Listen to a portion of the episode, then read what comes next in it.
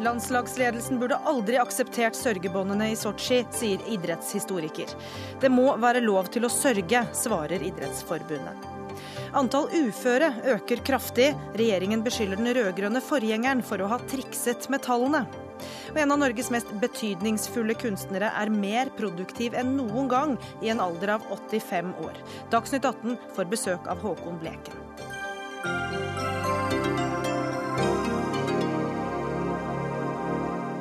God ettermiddag. Jeg heter Gry Blekastad Almås, og vi skal snakke om både Syria og Sveits også i denne sendingen. Men vi begynner med følgende dilemma. Skal man prioritere kirurgiske inngrep eller andre tiltak i kampen mot fedme? I hele dag har helsemyndighetene diskutert en ny rapport om fedmekirurgi. Og nå i ettermiddag kom følgende konklusjon. Nasjonalt råd for kvalitet og prioriteringer i helsevesenet anbefaler at gode tilbud med ikke-kirurgiske metoder får økt prioritert. Og helsedirektør Bjørn Gullvåg, betyr det at fedmeoperasjoner ikke skal prioriteres? Nei, det betyr ikke det. Det betyr at indikasjonene slik som vi har dem i Norge i dag, de anbefaler vi at skal videreføres. Men det er 90 000 mennesker i Norge nå som har sykelig overvekt, og det tallet er økende.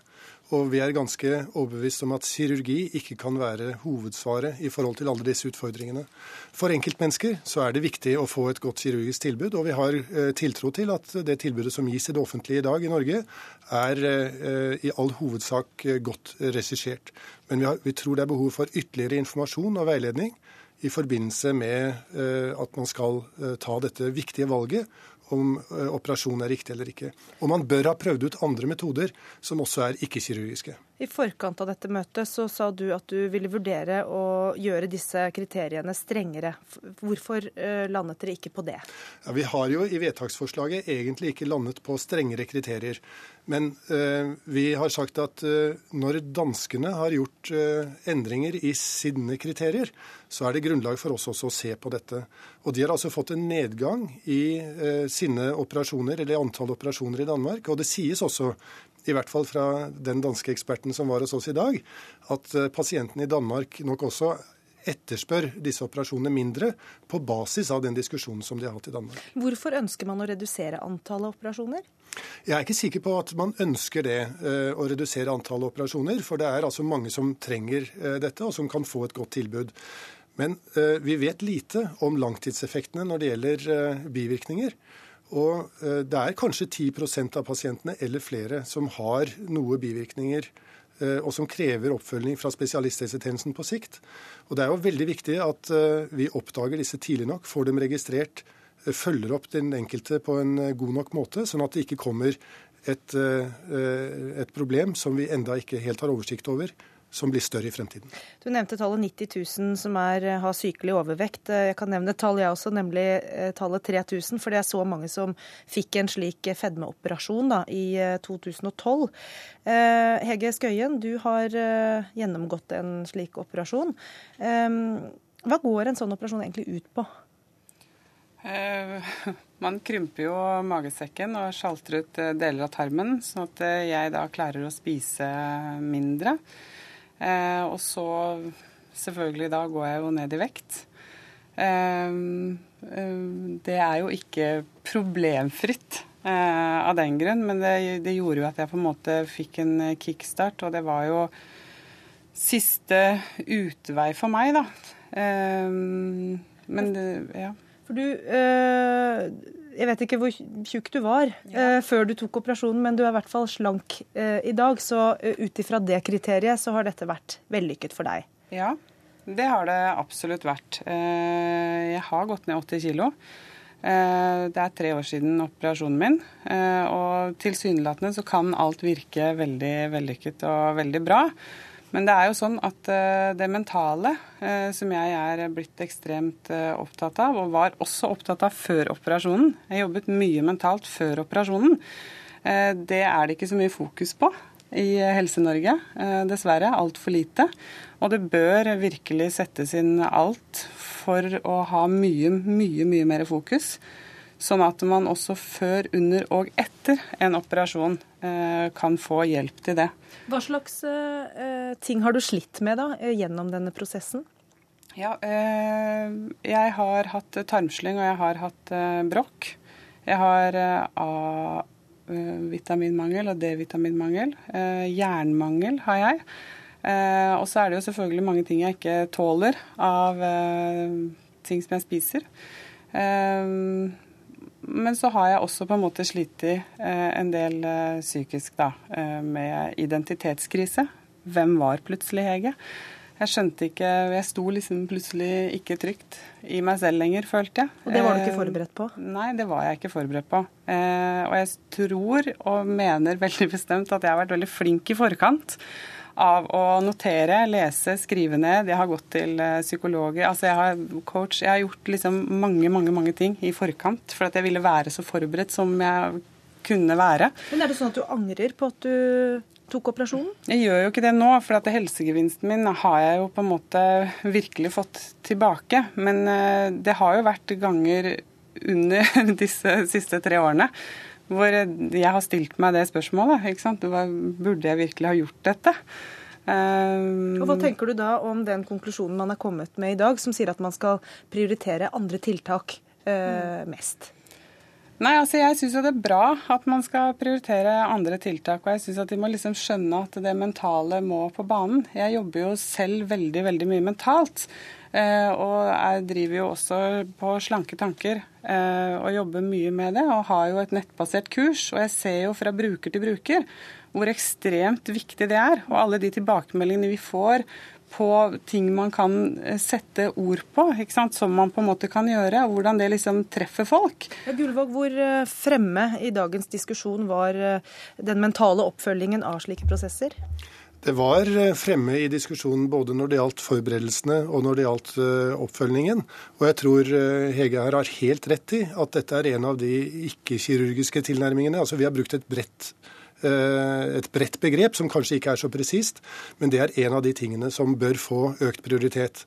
Eh, og eh, vi vet jo også at i andre land, som f.eks. USA, så har man gjort vellykkede forsøk med Eller forsøk, man har hatt gode intervensjoner i forhold til familier, hvor man har gitt kognitiv atferdsterapi.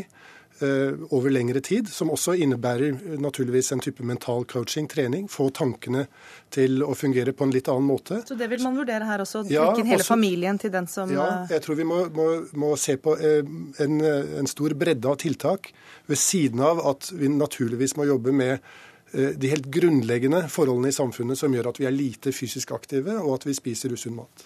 Elin Nattvik, du er fysioterapeut og har også forsket da, på fedme og på operasjoner i mer enn ti år. Er vi på rett vei her? Eh, det er veldig lovende at det kommer flere perspektiv inn, eh, eh, og et bredere fokus. Det, det, ønsker jeg velkommen. Og det som jeg tenker i forhold til det her med, med det som du nettopp var inne på, i forhold til mentale prosesser og emosjonelle aspekt, det er jo et ikke-kirurgisk tiltak, men det er jo selvfølgelig òg viktig for de som eh, gjennomgår en kirurgisk behandling av sykelig overvekt. Eh, når det gjelder min egen forskning, så har jeg undersøkt erfaringene til 20 personer som var operert for sykelig overvekt for over fem år siden, mellom fem og syv år siden. Og eh, de er, det overveiende som vi ser der da, det er at de, er, de angrer ikke. Eh, de ville gjort det igjen til tross for at det har vært veldig tøft, sånn som eh, jeg kjenner igjen din beskrivelse av prosessen. Eh, og, og det sier noe om hvordan de hadde det før. Og Det er òg noe som jeg la veldig merke til når jeg jobba som fysioterapeut på et sykehus, der folk kom til sykehuset for en sånn behandling. Og jeg møtte de da de faktisk skulle ha den behandlingen.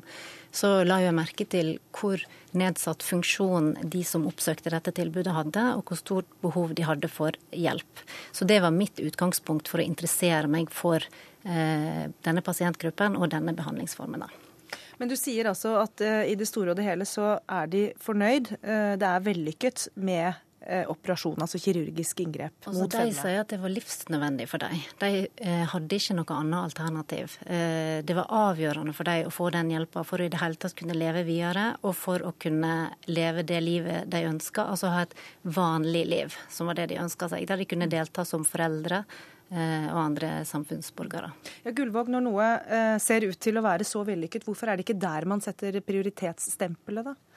Nei, Nå er jo kirurgisk inngrep ganske voldsom, et ganske voldsomt inngrep i kroppen.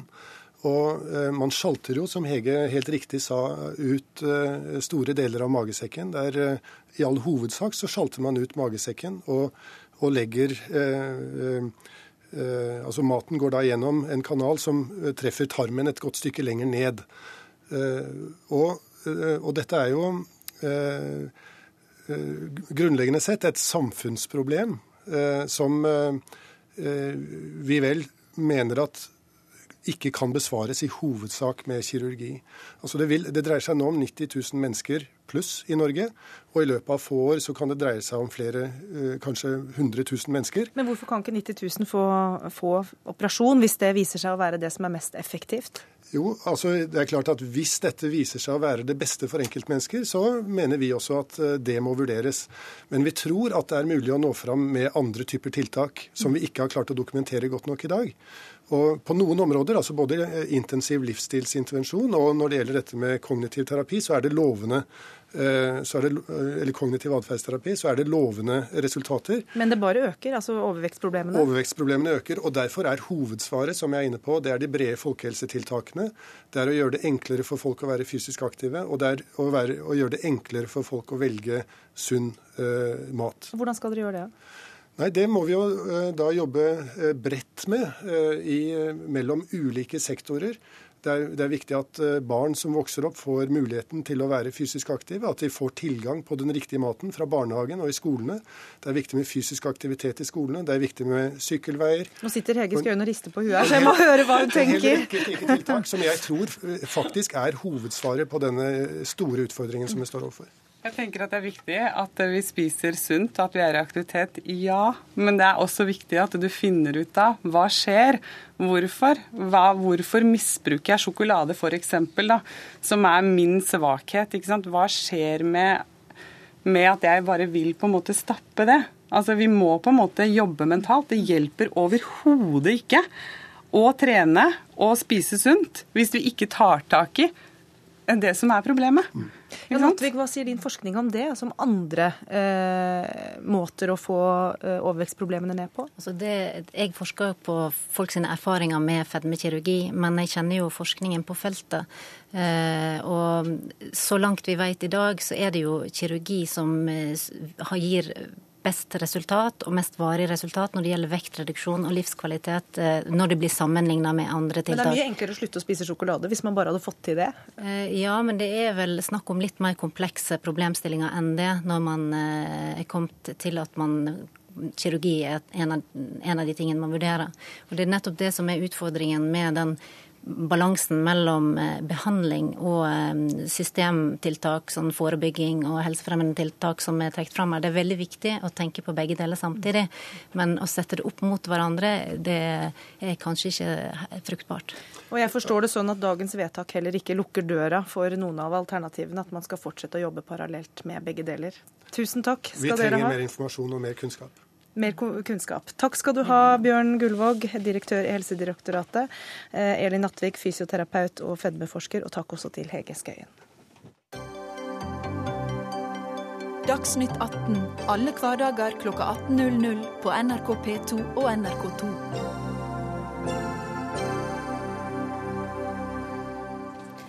De rød-grønne har trikset med uføretall, mener Høyre. Det handler om eh, arbeidsavklaringsordningen, som er en støtte som Nav gir til personer som trenger hjelp for å komme tilbake til eh, arbeid.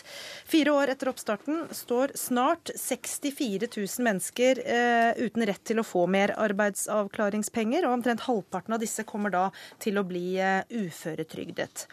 Stefan Heggelund, representant for Høyre i arbeids- og sosialkomiteen på Stortinget. Hvorfor mener dere at de rød-grønne har trikset med tallene? Fordi at det er en rekke mennesker som kunne ha fått avklaring tidligere, men som ikke fikk det. Men la meg si det på denne måten. Arbeidsavklaring det er et veldig godt ubyråkratisk system. Da har vi en rekke mennesker som har vært på midlertidige ordninger, hvor man sier at her er en frist, så skal dere få avklaring på deres situasjon. Det er veldig bra. Men da er jo utfordringen at det tar tre og et halvt, fire år før man får den avklaringen man trenger. Og så er det jo klart det at hvis man har vært ufør, registrert som ufør, men går inn i en, altså arbeidsavklaringsordningen, så går man jo ut av uførestatistikken.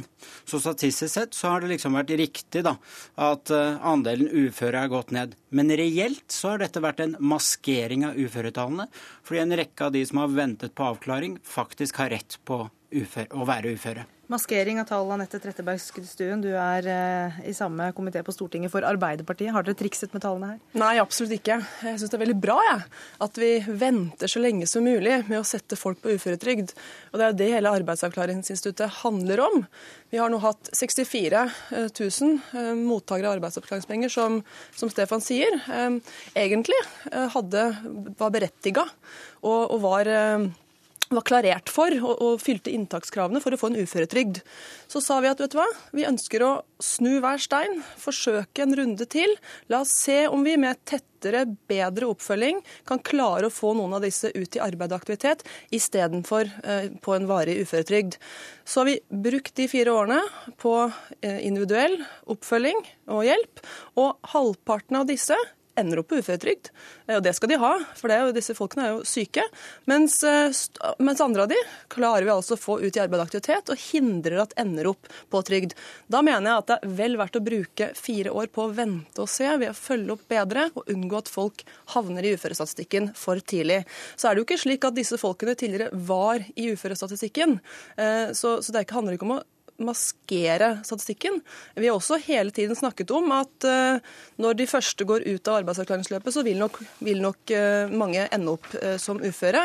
Så, så, dette er rett og slett absurde beskyldninger fra, fra Høyre. jeg syns det er meningsløst å beskylde oss for, å, for, tall, for talljuks. det jeg ønsker at Høyre skal bli med oss på å diskutere, er hvordan vi skal sammen få flere tilbake i arbeid og aktivitet. Da er det f.eks. Eh, meget dumt, syns jeg, at Høyre har trukket tilbake en stortingsmelding som vi la fram i august, som handlet om hvordan skulle vi finne tiltak for å få enda flere ut i arbeidsaktivitet. Men det er jo ikke sånn at man trekker tilbake en sånn melding fordi man syns det er gøy. Altså Man gjør det fordi at man har lyst til å gjøre den bedre. Men eh, jeg syns at vi skal holde oss til temaet. Eh, veldig mange av de som gikk inn i arbeidsavklaringspengeordningen, hadde gått på midlertidige ordninger i uminnelige tider. Dette var folk man visste at hadde rett til å være uføre. Og da var jo poenget, Hele poenget med arbeidsavklaringen var jo at man skulle få en raskere avklaring. Man satte en frist fordi at man syntes det var helt uakseptabelt at man hadde vært på midlertidig ordning så lenge, og så skulle man få en rask avklaring. Og da er det jo helt utrolig at mennesker som blir lovet en rask avklaring, ikke får det. Og så har jeg lyst til å gjøre noe som kanskje ikke skjer så ofte i den offentlige debatten. Og det er at jeg har lyst til å rose Nav. Fordi at Nav de har gjort en formidabel jobb med å faktisk behandle disse individuelle sakene. Mm. Det har virkelig vært en dugnadsånd i Nav nå i det siste. Og vi vet at mange har måttet jobbe overtid for å klare å rekke denne fristen før altså arbeidsavklaringspengeordningen går ut. Så det er ikke sendrektighet i Nav som gjør at eh, det har tatt disse fire årene å få avklart nei, hvorvidt du er ufør eller nei, ikke? Men det som, nei, men det som, har, men eh, det som da er helt relevant, det er jo at det har tatt altfor lang tid. Og det man ser da, er at man får en ressurs... Vent litt. Man får, ser en ressursforskyvning som ikke er bra. Fordi at nå har man måttet bruke veldig mange ressurser fordi den forrige regjeringen var for treig. Så man måtte bruke veldig mange ressurser på å gi mennesker, tusenvis av mennesker, en endelig avklaring. Men det kommer jo nye mennesker inn på arbeidsklaringspengeordningen, som da må kanskje vente ytterligere, fordi man bruker alle ressursene på dette. Det er problematisk. Og det Men er det ikke verdt å bruke ressurser på å få halvparten jo, kanskje ut i jobb igjen istedenfor inn i uføretrygd? Selvfølgelig er det viktig å bruke ressursene på det, og det er også Høyre opptatt av, og det er det ingen tvil om. Men det er veldig mange mennesker som kom inn på arbeidsavklaringspengeordningen, som har gått på midlertidige ordninger i uminnelige tider. Og de hadde faktisk fortjent å få en rask avklaring, og det fikk de ikke av den forrige regjeringen, og det reagerer vi på. Ja, men Dersom den raske avklaringen handler om at du, deg setter bit på trygd, eh, så vil jeg heller at man da tar en eh, lengre prosess og forsøker å snu hver stein. Se hva man kan gjøre med en individuell plan og oppfølging for å få folk i arbeidsaktivitet. Det tar tid. Denne gruppa her av mennesker, veldig mange av disse folkene her er unge mennesker under 40 år med psykiske lidelser. Det tar tid å se hvordan disse kan hjelpes ut i arbeid og aktivitet. Derfor er ikke jeg opptatt av at vi får en så rask avklaring som mulig. For vi vet at for veldig mange så ville den raske avklaringen betydd at deg må vi sette på en stønad. Jeg er opptatt av at vi skal gjøre det vi kan for å unngå at folk havner på trygd. Jeg synes at Anklagene fra, fra Høyre og Heggelund her blir litt meningsløse. Vi har ikke sett at Høyre noe sted har foreslått mer ressurser til arbeidsavklaringsløpet eller endringer til det. Tvert imot så var det vi i den rød-grønne regjeringa som underveis i løpet også kom med forbedring av systemet. Blant annet så innførte vi eh, en ordning der arbeidsavklaringspengene kunne brukes som, som lønnstilskudd. Og vi er hele tiden opptatt av å få dette her til å kunne skje så raskt som mulig, men det skal være så kvalitativt godt som mulig. Det er hovedpoenget.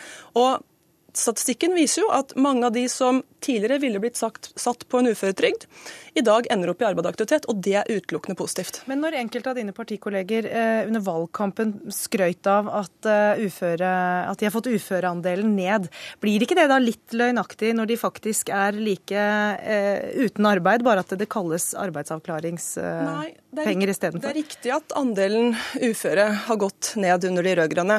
eh, men det er heller ikke riktig at disse menneskene her egentlig, egentlig sto i, ufør, sto i uførestatistikken fra før.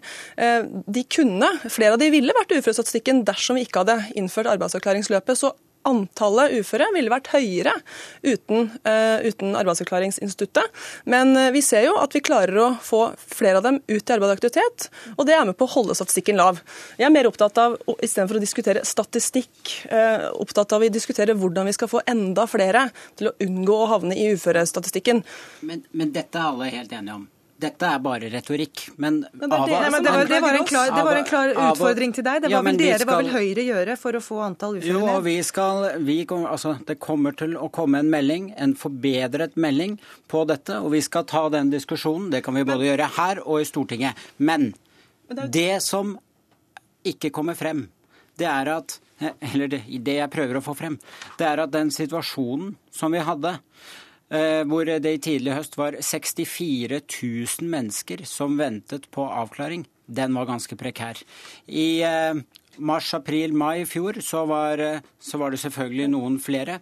Og da var det Og dette er ganske mange mennesker. Og da var det ingen Regjeringen nevnte, Den rød-grønne regjeringen nevnte ingen steder at dette, at det var nå så mange mennesker som snart nærmet seg fristen på arbeidsavklaring. Jo da, det har vi snakket om hele tiden. Nei, det, det stemmer ikke. Ja, så det mener skjedde, du at de holdt det, skjult for dere? Det skjedde ingenting før Høyre og Fremskrittspartiet aktivt spurte regjeringen hvordan jeg står her. Og hva slags svar fikk man da? Jo, da fikk man det er ikke bevilget eller avsatte særskilte ressurser for å håndtere personer som har AAP-vedtak, altså arbeidsavklaringspenger, som løper ut våren 2014.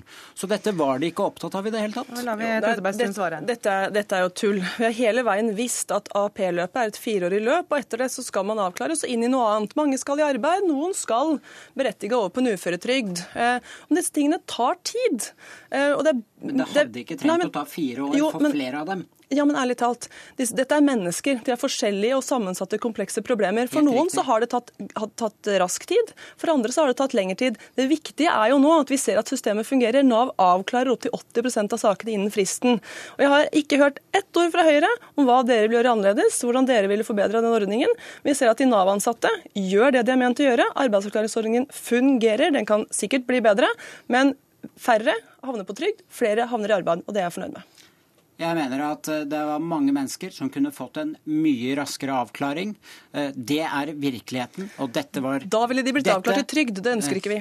Nei, jeg... men det er jo noen som har rett til å bli avklart ja, til det. Absolutt, men mange de, kan vi hjelpe. Ja, det er helt riktig. Og det er mange som har rett til trygd, og de skal få det, og de kunne blitt avklart mye tidligere. Mens vi ønsker å vente og prøve å få det i aktivitet. Istedenfor å gi dem den avrunde. De faktisk fortjener. Jeg, jeg, må bare si at jeg er veldig imponert over at dere har klart å si arbeidsavklaringsordningen på inn- og utpust nå uten å snuble. Tusen takk skal dere ha, begge to.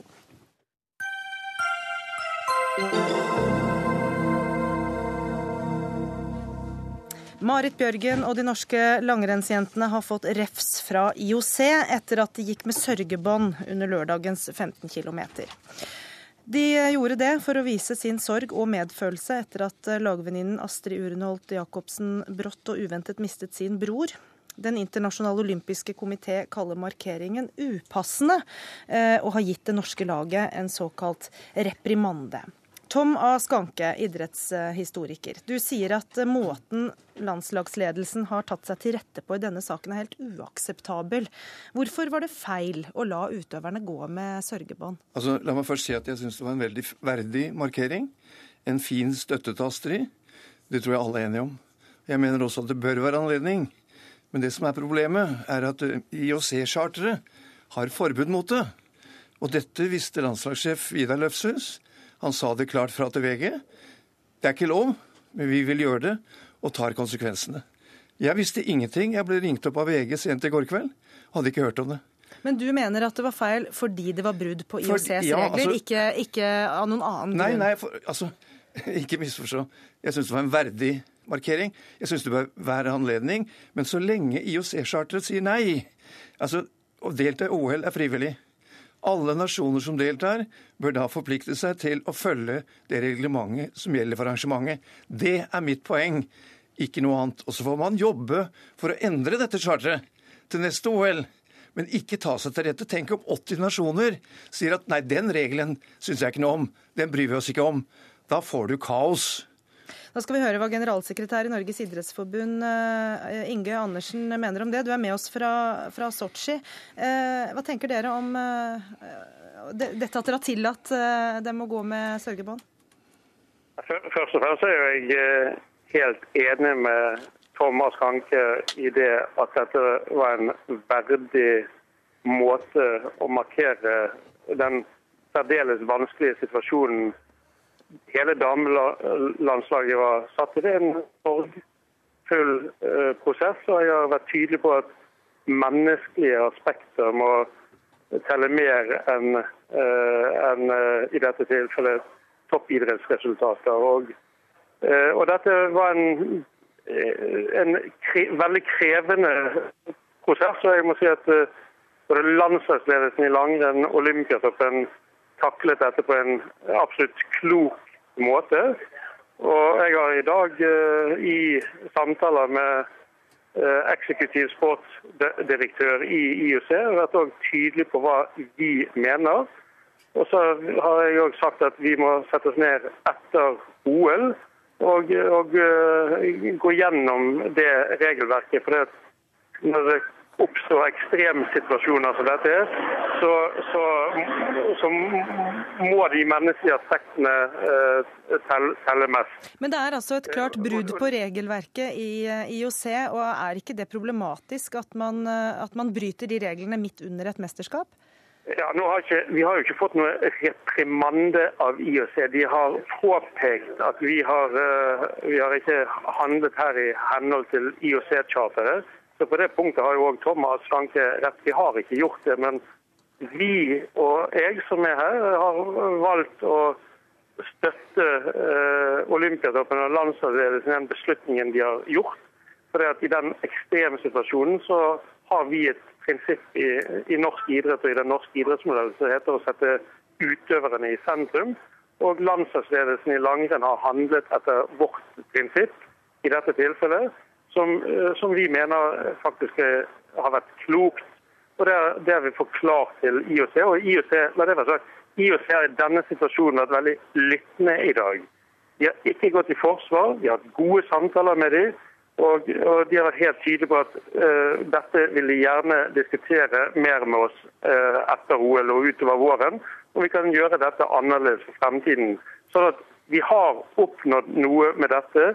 Og det er et IOC som lytter når vi tar opp eh, krevende ting. Og jeg opplever at vi har en ny IOC-president som, som har vært veldig tydelig i samtaler vi har hatt her nede og tidligere, om at han vil eh, se nærmere på hele det verdiarbeidet norsk idrett står for. og Det skal vi gjøre nå i årene frem mot ungdoms-OL på Lillehammer i 2016. Vi må høre med Skanke da, om ikke det er en eh, fin måte å kunne markere en slags eh, uenighet med regelverket på? Kanskje det til og med er på tide å, modernisere det regelverket? Ja, men ikke under selve arrangementet. Hvorfor ikke? Fordi hvis de andre nasjonene Altså Norge har en tendens, de er verdensledende når det gjelder å ha vunnet medaljer, og er en stor nasjon i vinteridrettssammenheng tar seg til rette. Hvorfor skal ikke andre nasjoner, hvis de finner ut at noe er uenig Jeg syns det blir litt betenkelig, Inge, at du kaller det en klok måte når, man, når landslagssjefen sier vi vet dette strider mot charteret, vi vet at vi vil få en reprimand eller en refs, men vi velger allikevel å gjøre det. Det er å bruke arrangementet til å demonstrere for noe som man skal ta opp i forkant og i etterkant. Og Det er det jeg sier, Inge. Jeg syns det var en flott måte å gjøre det på.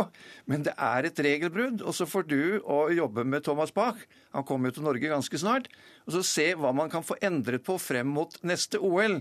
Men under et arrangement forplikter deltakerne seg til å følge arrangørens regler. Det er en frivillig sak. Hvis ikke så får de la være å delta. Ja, ja men, men uh, jeg tror du Tom og meg er enige om det meste. Men jeg vil ikke velge å bruke ordet demonstrasjon. Dette er jo ingen demonstrasjon. Dette eh, var rett og slett en, eh, en markering av en usedvanlig krevende situasjon. Eh, norsk damelangrenn brutalt ble satt opp i på åpningsdagen av OL. Og, og, og da må man ta i bruk de muligheter man har for å jobbe seg gjennom en sånn situasjon. Dette var en av de virkemidlene laget eh, var enige om at de ville gjøre. Og det var en verdig og fin måte å markere dette på. Og det, eh, jeg, vil si at jeg er på mange måter stolt av at vi har så, bunnsolide verdier i norsk idrett. Bunnsolide ledere som sier at jo, dette er det vi står for. Dette ønsker vi å gjennomføre. Og, og jeg tror at det, jeg har ikke hørt uh, altså Vi har fått en henstilling av IOC på dette, men i møter med IOC i dag har de vært ekstremt ydmyke på det vi har sagt. Og Det setter jeg veldig pris på. Er ikke det flott, Skanke? Det, det, borger, det borger for en ny tid i IOC, sier jeg. Ja, og Det håper jeg endelig, fordi det er så mye kritikk av forgubbenheten og udemokratisk IOC og pampevelde og alt dette her. Og det kan man jobbe med med nye Thomas Bach. Men rent statistisk, Inge, så er det meget sannsynlig at noen pårørende til de mange tusen ledere og utøvere som er i Sotsji i nesten tre uker, vil dø. Og nå har dere satt en, Dere har brutt reglene for å markere. Uansett hva du kaller det. Du kaller det klokt, jeg kaller det uklokt. Men, men Thomas Ganke, er ikke du litt på kollisjonskurs egentlig med folket her? Vi tok en liten sånn uhøytidelig eh, test på sosiale medier, mm. eh, hvor vi fikk masse eh, kommentarer på dette. og ingen støttet uh, ditt syn, da, eller IOCs regelverk. Nei, nei. Er det sånn at IOC har gått ut på dato? Er det helt ja, altså, I dette tilfellet sier jeg det var en flott og verdig markering. Det bør være tillatt med en slik markering. Men så lenge regelverket er slik det er, det er det jeg er opptatt av. Det kan bli kaos hvis alle nasjoner tar seg til rette vis-à-vis -vis regler de ikke liker. Mens Inge Andersen, ja. du støtter litt anarki på akkurat dette punktet her. ja, det ikke, anarki. Det er ikke anarki. Altså, det dreier seg om å sette mennesket enkeltindividet og laget og mellommenneskelige helt jeg vil si, en normale reaksjoner, en sunn reaksjon fra et lag, og at vi har sunne toppidrettsutøvere som gjør dette. Det er jeg som sagt stolt ut av, og jeg er ekstremt stolt ut av måten dette kvinnelandslaget fremsto på i sin konkurranse på alle mulige måter, det... inklusiv det at de valgte å gå med sørgebind. Det sa altså en stolt generalsekretær i Norges idrettsforbund, Inge Andersen. Takk også til idrettshistoriker Tom A. Skanke.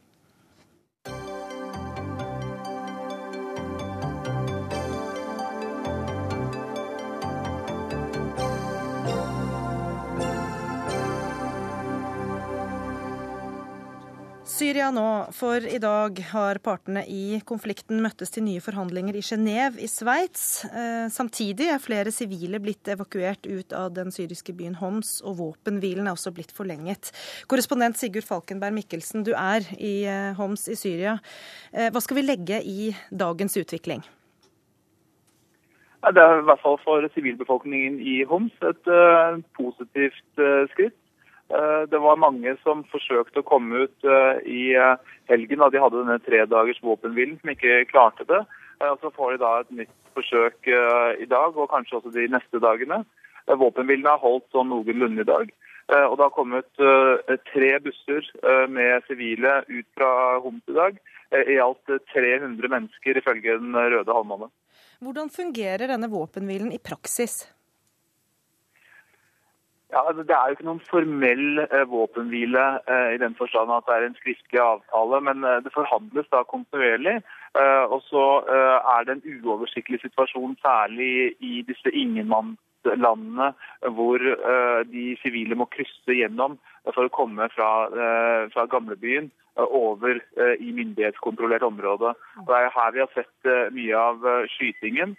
Eh, og noe som har gjort det så farlig. Så Det ble fortalt f.eks. For av eh, at FN-bilene i går eh, måtte kjøre de er jo pansret, så de måtte kjøre som, et, som en slags beskyttelse mens de sivile gikk langs bilene. Sånn dette har vært en, det er en veldig krevende sikkerhetssituasjon. Men i dag så vidt jeg har hørt, så har det gått greiere enn de foregående dagene. Eh, med de dramatiske bildene du beskriver der, så eh, er det vel mulig at folk i Homs ikke klarer å tenke på annet enn akkurat eh, hvordan de skal forholde seg til, til den hverdagen de har. Men, men, hva slags håp knyttes det til de forhandlingene som da har begynt igjen nå i, dag i Genéve? Ja, mitt inntrykk var at det var et visst håp i begynnelsen, da de begynte Genéve-forhandlingene. Eh, og at eh, folk er stort sett her eh, åpne for at altså ethvert forsøk er verdt å prøve. Fordi alle er veldig slitne og lei av denne krigen. Kanskje med unntak av de, de mest innbitte av de stridende partene. Men i hvert fall for en jevne syrer så, så, så tror jeg bildet er sånn. Men så så de jo at disse da, forhandlingene i den første runden i Genéve ikke ledet til noe særlig. Eh, og viste heller hvor stor avstand det var mellom partene. Så det er nok ikke så mye, mye, optimisme igjen når det gjelder akkurat disse forhandlingene eh, nå. Men, eh, men, igjen, så lenge prosessen pågår, så er det i hvert fall ikke, ikke, et, ikke, et, markant brudd. Og det gir i hvert fall noen et, et, et visst, visst, håp. Men det er klart det er ikke stort. Du eh, Sigurd, er altså i den enden der folk eh, flykter fra, mens Jan Egeland, generalsekretær i Flyktninghjelpen, eh, du har vært i Libanon og i flyktningleirene, dit de flykter til, i første omgang i hvert fall. Hvordan vil du beskrive situasjonen der? Jeg var både i Damaskus da de forhandlingene om Homs fant sted, og så til flyktningleiren i Libanon, hvor situasjonen er veldig ille. Altså, Libanon er på størrelse med Rogaland fylke. Det er et fattig land. Det er et veldig ustabilt land. Og de har nå 1-1,5 millioner syrere. Det er realitetene her. Og, og, og, og, Libanon kneler under byrden. Libanon blir stadig mer ustabilt. Og millioner står på mange måter nå i kø i Syria for å komme ut, bl.a. fra den lille gruppen nå som ble evakuert fra Homs. Og Vi hører om human den humanitære situasjonen der, som er vanskelig. Eh, hvordan er den i flyktningeleirene? Ja, I, altså, i flyktningleiren får vi jo fram, tross alt fram hjelp. Altså Flyktninghjelpen, min organisasjon, har 1000 hjelpearbeidere i nabolandene og eh, 50 inne i Syria. Vi gir hjelp til en million flyktninger alt i alt, og vi er en av mange aktører Eh, men det er minimumsrasjoner. I Libanon er det veldig vanskelig å jobbe fordi vi ikke får bygge flyktningleirer.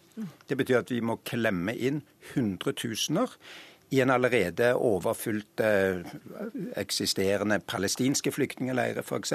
I, i boliger, i, i, i privathus, i, i improviserte eh, steder. Eh, jeg vil høre med deg om hva du tror om forhandlingene i Genéve, men jeg oppfatter Sigurd Falkenberg Mikkelsen at du prøver å, å komme inn igjen. Var det noe du ville si? Nei, eh, Det er jo denne desperate eh, situasjonen som beskrives her. og jeg tror det at De som har vært mest synlige i denne konflikten, er tross alt de som har klart å komme seg til nabolandene. Mens enda flere er jo inne i Syria og er internt fordrevne. Og de har ofte en vel så vanskelig situasjon som de som er utenfor grensene. Altså det, det, mest dramatiske er uten tvil, som Sigurd Falkenberg Mikkelsen sier, det som skjer i Syria. 6,5 millioner mennesker er fordrevet fra sine hjem Tre millioner av disse er det veldig vanskelig å nå fram til. Altså, vi sender f.eks. konvoier eh, fra nabolandet Tyrkia, andre fra andre naboland over grensene. Det tillater ikke regimet i Damaskus. FN og andre sender konvoier over stridslinjene, men det er bare sporadisk tilgang til tre millioner mennesker. I tillegg er det 300 000 i beleirede byer og steder. 3000 av de, 2000-3000 av de er i gamlebyen i Homs. Så det er altså det er 100 ganger flere som er i beleirede byer, hvor vi får inn ingenting som helst. Men nå knyttes det da håp til at man forlenger våpenhvilen, man får flere ut uh, av, uh, av, Homs. Hva kan verdenssamfunnet uh, og partene selv, da, som sitter i Genéve nå og diskuterer, gjøre for å få slutt på denne situasjonen? De kan gjøre mye mer. Altså, vi, vi, behandler ofte dette som om det var en naturkatastrofe, en slags tsunami. Vi kan ikke gjøre noen, noen ting som helst. La oss heller se på OL. Ja, men Hva kommer gjøre... ut av disse møtene nå, jo, tror du? Var... Ja, det, jeg tror, nå kommer det ingenting ut av dem. Eh, for det må et helt annet press fra Russland og Iran på Syria, og et helt annet press fra Gulflandene og USA og Tyrkia på opposisjonsstyrkene. Ja, Du traff den russiske ambassadøren i, i ja. Damaskus, forstår jeg. Hva, hva, var ditt inntrykk av viljen til forandring der? Altså, Snakker du med den russiske ambassadør og den iranske ambassadør som jeg snakket med i Damaskus, så er de bare opptatt av å snakke om de to 1000 opposisjonsgeriljagruppene. Eh, to tredeler av de er islamister nå. Snakker du med Gulflandene eller med Tyrkia, så er de kun opptatt av å snakke hvor ille, med rette, ille regimet er. Det er kun når de som har innflytelse over sine egne, om man vil, legger press på dem, at vi kan komme ut av dette. Og i mellomtiden er mange tusen hjelpearbeidere sammen med sivilbefolkningen nærmest i kryssilden slik vi så kollegene da opplevde i, i Homs. Man skal ikke bli skutt på når man prøver å evakuere kvinner og barn fra en beleiret by. Så da skjønner jeg at Du deler ikke det samme kanskje syltynne håpet som befolkningen i Homs har til de forhandlingene som pågår akkurat nå i Genéve? Ja, befolkningen i Homs tror jeg ikke har overhodet noen forhåpninger. Jeg har vel egentlig mer forhåpninger. Altså, det er det lille håpet at de ble enige om flere humanitæravtaler. Mm. Man måtte begynte Homs med det som skjedde i Genéve russisk ambassadør var med på forhandlingene den, om, om, den lille avtalen i, i, i, Homs. Men det er for lite. Det går for sent. Det er bare en stor politisk avtale som kan unngå at vi går ytterligere mot stupet for ni millioner mennesker. Takk skal du ha, Jan Egeland, generalsekretær i Flyktninghjelpen. Takk også til eh, Sigurd Falkenberg Mikkelsen, Midtøsten-korrespondent for NRK.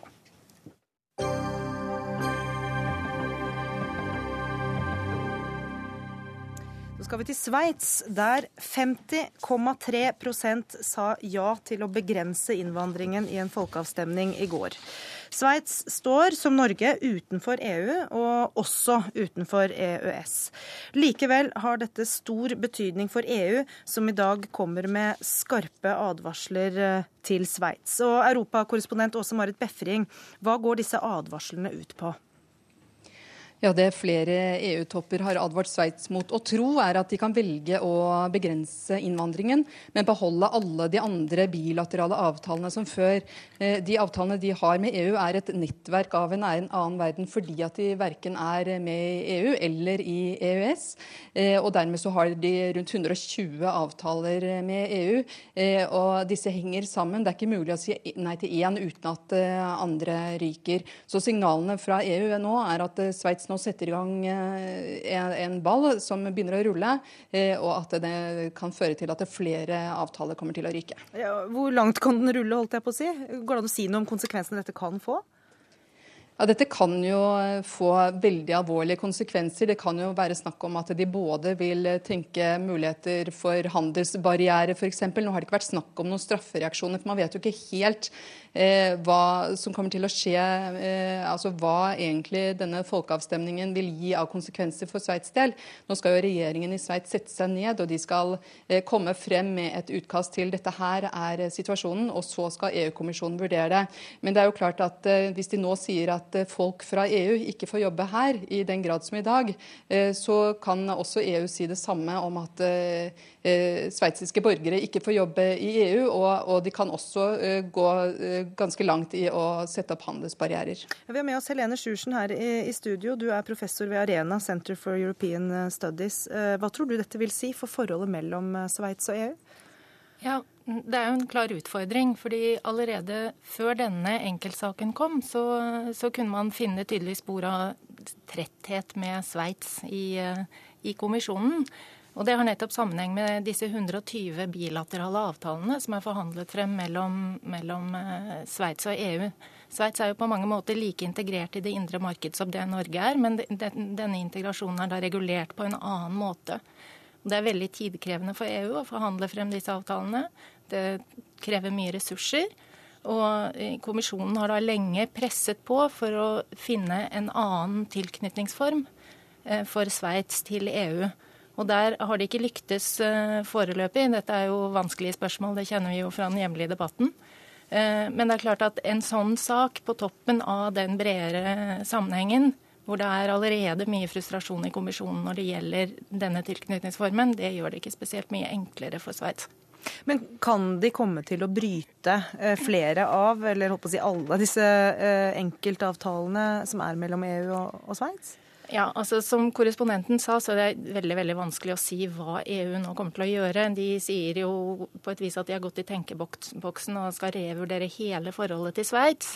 Eh, og hva de da bestemmer seg for å gjøre, det blir jo litt avhengig også av hva den sveitsiske regjeringen selv ender på.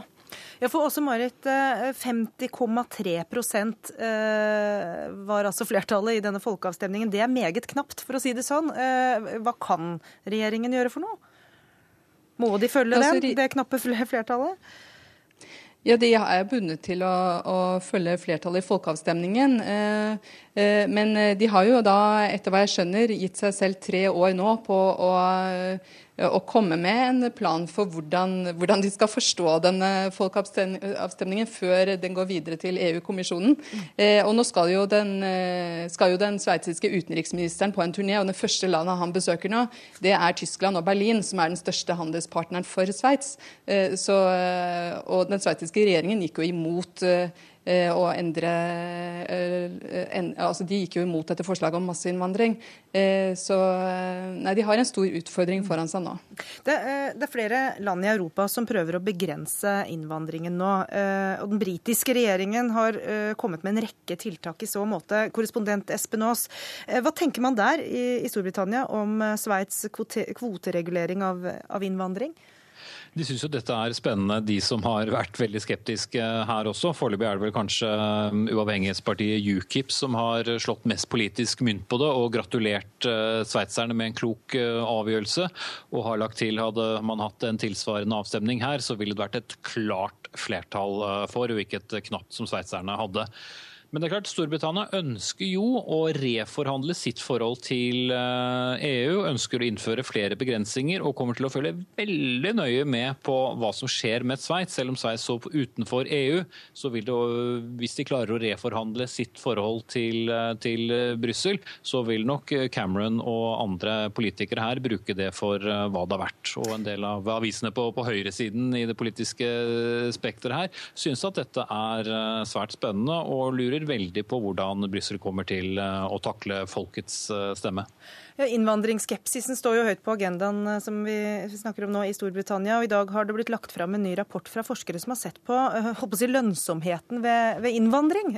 Hva kan du si om det? Ja, jeg snakket med tre forskere fra University College eh, her i London som har gått eh, nøye gjennom tallene tilbake fra før årtusenskiftet og ut 2012. Eh, og De viser jo helt klart at EU-innvandrere e bidrar mye mer til fellesskapet enn det de tar ut. Faktisk betaler de 35% mer inn i skatt enn det de tar ut gjennom trygdeordningene. Som jo nettopp er det som eh, partier som UKIP og for så vidt mange i det konservative partiet her også er redde for, nemlig at folk skal komme og ta ut mye mer penger enn de tar inn. Så her er tallene klare. EU-innvandrerne er mye mer lønnsomme faktisk for økonomien her selv enn det briter er og de har også langt bedre utdanning enn britene. Så tallenes tale er åpenbart én ting følelser noe helt eh, annet. Og det som akademikerne var eh, redde for i dag også, er jo at det skal begynne å smitte over på studenter. En av de viktigste eksportvarene for så vidt for Storbritannia, nemlig kunnskap. At alt dette snakket ville holde dem eh, unna.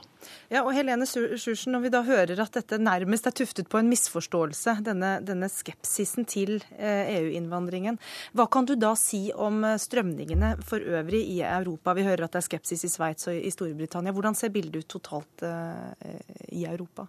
Ja, altså I Sveits er det jo veldig delt. altså 50,3 uh, sa nei til dette. Uh, da betyr det jo at det var nesten like mange som sa ja. Så det må vi huske på.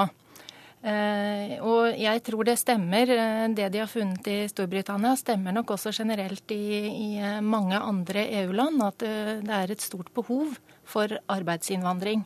Det ser vi jo også her til lands. Eh, så, så, men det er klart, eh, tall og følelser det er to forskjellige ting.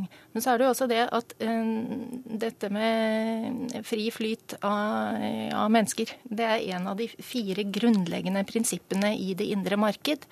Så jeg har veldig vanskelig for å se for meg at man kan tukle mye med det prinsippet. Der vil de nok møte sterk motbør fra, fra, sentralt hold i EU, og også fra flesteparten av EUs medlemsland. Så jeg tror nok der så står den britiske regjeringen i en særstilling. Helt på tampen, eh, kan eh, et sånt vedtak i Sveits få betydning for et annet utenfor land, nemlig Norge, i forholdet til EU? Nei, altså Norge har jo en helt annen tilknytningsform. Norge har EØS-avtalen. Der er det, det er en såkalt dynamisk avtale, hvor EUs lovgivning eh, innenfor det indre marked nesten automatisk blir norsk lov. Eh, når kommisjonen snakker om å reforhandle forholdet til Sveits, så er det for å bringe Sveits nærmere EØS-avtalen. Eh, så nei, jeg tror ikke det har noen konsekvenser for oss. Takk skal du ha, Helene Sjursen, som er professor ved Arena. Takk også til korrespondentene også Marit Befring og Espen Aas. Hør Dagsnytt 18 når du vil. Radio NRK Radio.nrk.no. Det er noen som trykker hardt på gassen helt til det stopper av seg selv. En av dem sitter snart, sitter nå her, 85 år gammel, og midt i arbeidet med å gjøre klar utstilling nummer to eh, med helt nye bilder eh, så langt eh, i år. Vel møtt til billedkunstner Håkon Bleken. Takk. Hva er det som driver deg? Ja, jeg kan ikke først lov å si noe som er en stor glede som jeg, som jeg opplevde i dag. Gjerne. Eh, jeg så nemlig en utstilling av en virkelig stor kunstner, en betydelig kunstner for en gangs skyld, og det er sjelden kost, altså. Nemlig eh, Sverre Koren Bjertneses utstilling i Stenersen-galleriet. Som var altså i, i, i, vår tids eh, fortvilelse og forvirring og brutalitet en, en, et streif av sødme, nesten. altså vakkert, vakkert, så jeg anbefaler på det sterkeste. Nei, vi begynte med en kunstanmeldelse som var ja, veldig positivt. Ja, veldig hyggelig. Men det, men det, er fordi at det er så stor glede å oppleve det. Mm.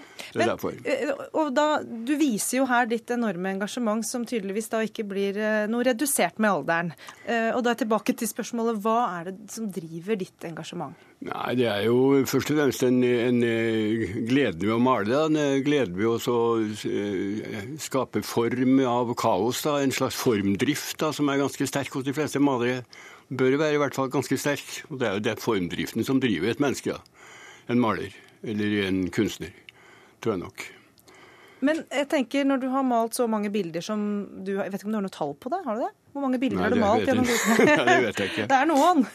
ja, det er noen, ja. Så tenker jeg at Du har vært gjennom mange former, og du har ja. brukt mange farger, og du har eksperimentert med det, og, og også mer sånn innholdsmessig tematikk. Ja. Eh, hvordan begynner du på et nytt bilde?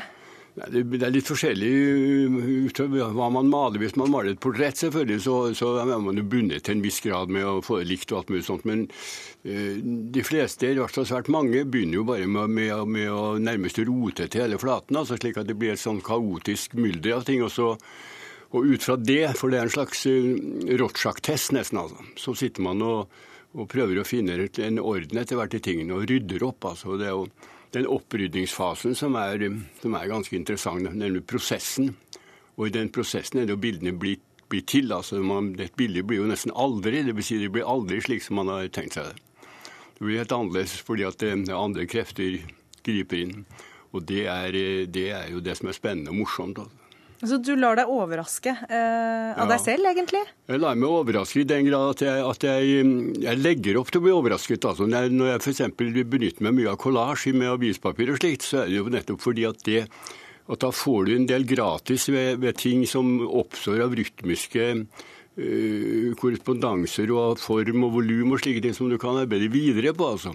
Fordi at det, det vet jo alle malere at uh, flaksen spiller en ganske stor rolle i maleriet. Altså. Det er, ja, Balzac sa, faktisk at uh, flaksen er den største kunstner. Da har du vært velsigna med mye flaks opp igjennom, du da. ja, litt. du sa til meg tidligere i dag at uh, alle bildene dine egentlig er selvportretter. Hva mener du med det? Ja, jeg mener at uh, kan, uh, Man kan godt se hvem som har malt bildet, f.eks. Jeg kan godt se altså en maler som Arne Ekeland eller Jakob Edemann, som har forandret formspråk ganske mye. Allikevel kan du faktisk på hver av de bildene som er malt i forskjellige perioder, se at dette er en Ekeland se at dette er en vedemann.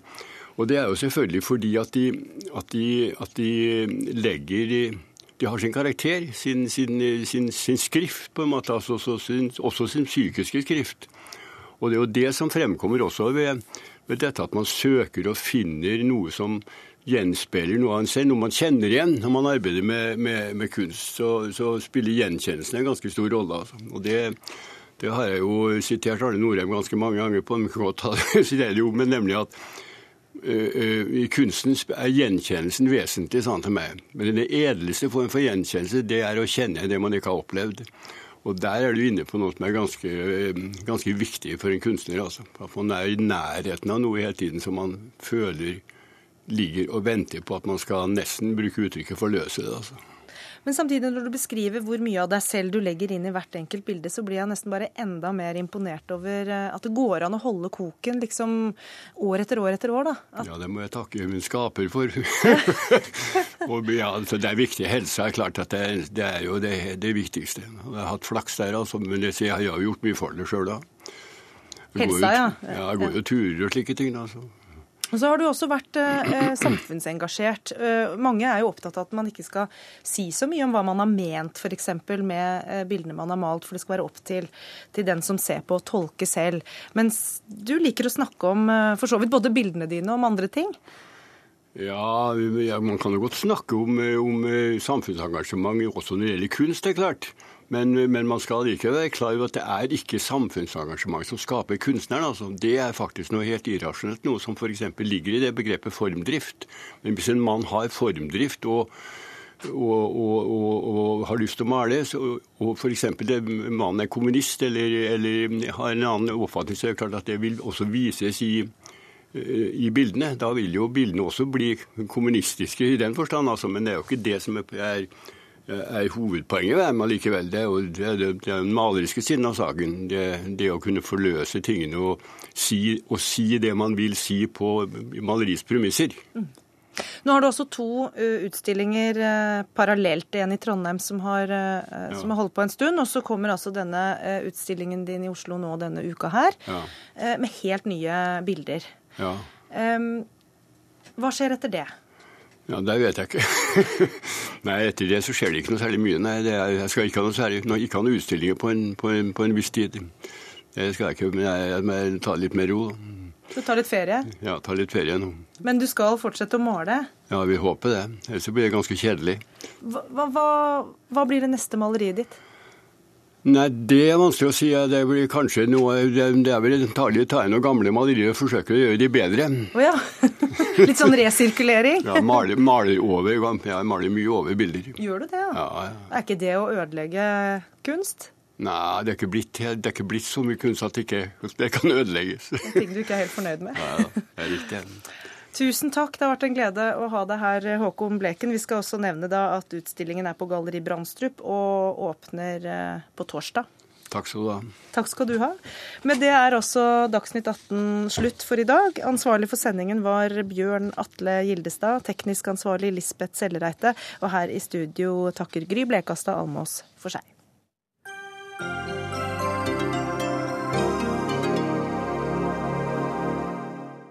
Hør flere podkaster på nrk.no podkast.